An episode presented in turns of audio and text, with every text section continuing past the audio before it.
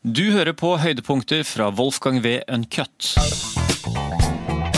Det å ha opplevd krig, det å ha vært i krigssoner, eh, som jeg har vært ved en del anledninger, eh, spesielt i unge år, eh, det, det, viser at livet er ikke mulig i krig. Ingen, ingen, normalitet er mulig i krig, og krig er forferdelig for mennesker. Det er, ikke, det er ingenting som er fint ved det i det hele tatt. Det er bare på, på, krig, nei, på film at krig er ålreit og spennende. Eh, de eneste menneskene som trives i krig, er mennesker som du ikke ville like i fredstid. Eh, de finnes, eh, og du unngår dem. Mm. Og jeg tror det er viktig å ha, å ha dette i mente. For å vende tilbake til poenget med, med boka. Den teologien er at 20-årene tror jeg var slutten på en tidsalder. Slutten på, på velferdsstaten, sosialdemokratiet. En fortrøstningsfull periode i norsk historie, hmm. i Europas, Europas, historie. Det som kommer etter, vil ikke være like harmonisk. og Det skriver jeg i, i introduksjonen. Enkelte anmeldere har hengt seg opp i det og kaller meg kulturpessimist. Eh, jeg vet ikke. Det, er det pessimist? Dette er hvordan jeg leser, da. Mm. Eh, generelt så er jeg ikke veldig pessimistisk. Jeg tror, eh, jeg, jeg tror at vi kommer til å på ny finne gode måter å, å, å, adressere temporære løsninger på permanente problemer. Det er jo det politikken er. Mm. Jeg tror at vi, vi, kommer til å komme ut av dette, men jeg tror at vi er på vei inn i en turbulent og vanskelig tid, også i Norge, også i Skandinavia, men spesielt i Europa. Det har mye å gjøre med at sant, Gjennom eh, etterkrigstiden så forløste økonomisk vekst veldig mange politiske spenninger i samfunnet.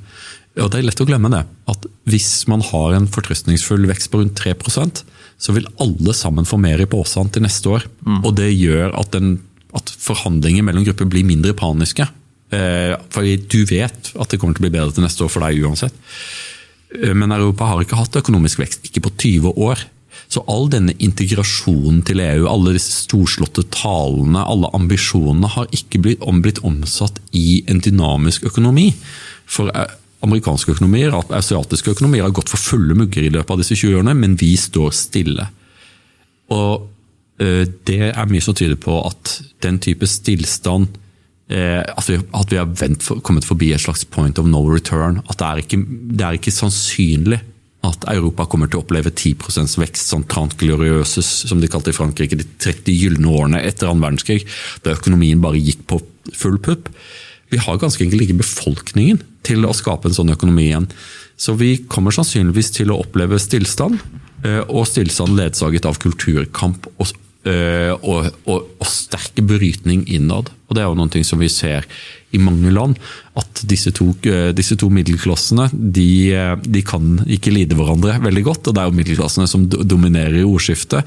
Plutokratiet er veldig lite interessert i å finansiere samfunnet ved høye skattesatser. Blant de rike så er det veldig mange som er post tax. Mm. De vil gjerne gi bort pengene sine, men de har ikke tenkt å gi det til staten. Det jo, de vil heller liksom skape seg en foundation og selv velge ut yes. og dele ut som almisser. ikke sant? Mm.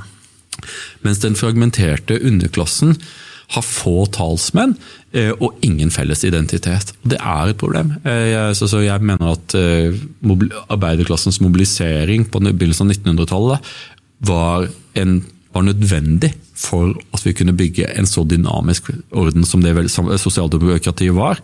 Og Det er jo et mål, er det ikke det? Å bygge et samfunn der flest mulig har det bra og flest mulig har muligheter. Og mm. Der er sosialdemokratiet liksom på pallplass, helt sikkert. Mm. Eh, men så er det da eh, at eh, med en fragmentert underklasse som delvis ikke stemmer ved valg, delvis ikke er godt integrerte, delvis er bare skikkelig sinte. Prekariatet vil alltid være klare til å knuse ruter, nesten uansett hva det demonstreres for. Om det er for, for, for eller imot mink, så er prekariatet alltid først i, først i svarte klær, og de er rasende. Og Å ha sånne, ha sånne, segmenter i samfunnet lover ikke godt. Eh, så på, jeg tror at dette kommer til å være en, et tiår eh, som kommer til å analyseres veldig mye i, i, i, for generasjonene som kommer, på samme måte som at mange, sikkert deg selv, iallfall meg, har dukket ned eller dykket ned i, i, i dette tiåret 1925 til 1935 for å forsøke å, å finne hva var det som brast? Hva var det som gikk galt? Hva var det i, denne, i dette heksebrygget av modernitet og intoleranse og ideologi som førte oss til denne eh, sivilisasjonskollapsen som nazismen var? Mm. Vi har vært gjennom ja, progresjon, vi er nå i stagnasjon, og la oss si det fortsetter ned i, i, i regresjon. Da, så Står vi overfor en, en, krig mellom nasjoner eller deler av Europa? Står vi overfor borgerkrig? Vil, altså, kommer det til å være interne nasjonale oppgjør? type at, uh, at uh, ikke-vestlig innvandring er hovedproblemet, at hvert land rydder opp i hermetegn på sin måte? Eller kommer det her til å bli enig med et sammenbrudd først og fremst med EU? Eller kommer EU til å se annerledes ut? Hva, hva, hva, hva tror vi står overfor her, da? Nei, jeg, jeg Dommedagskrig pga. innvandring. Jeg vet ikke, er, Du har feil fyr i studio. Jeg tror ikke på sånt i det hele tatt. Nei, jeg, jeg, bare sånn eh, Høyttenkning, da. Bare, liksom, Nei, men, jeg, men, men jeg, jeg, liker spørsmålet. Det er, det, er, det er, et godt spørsmål. Hva, hva, hva er konsekvensen av det?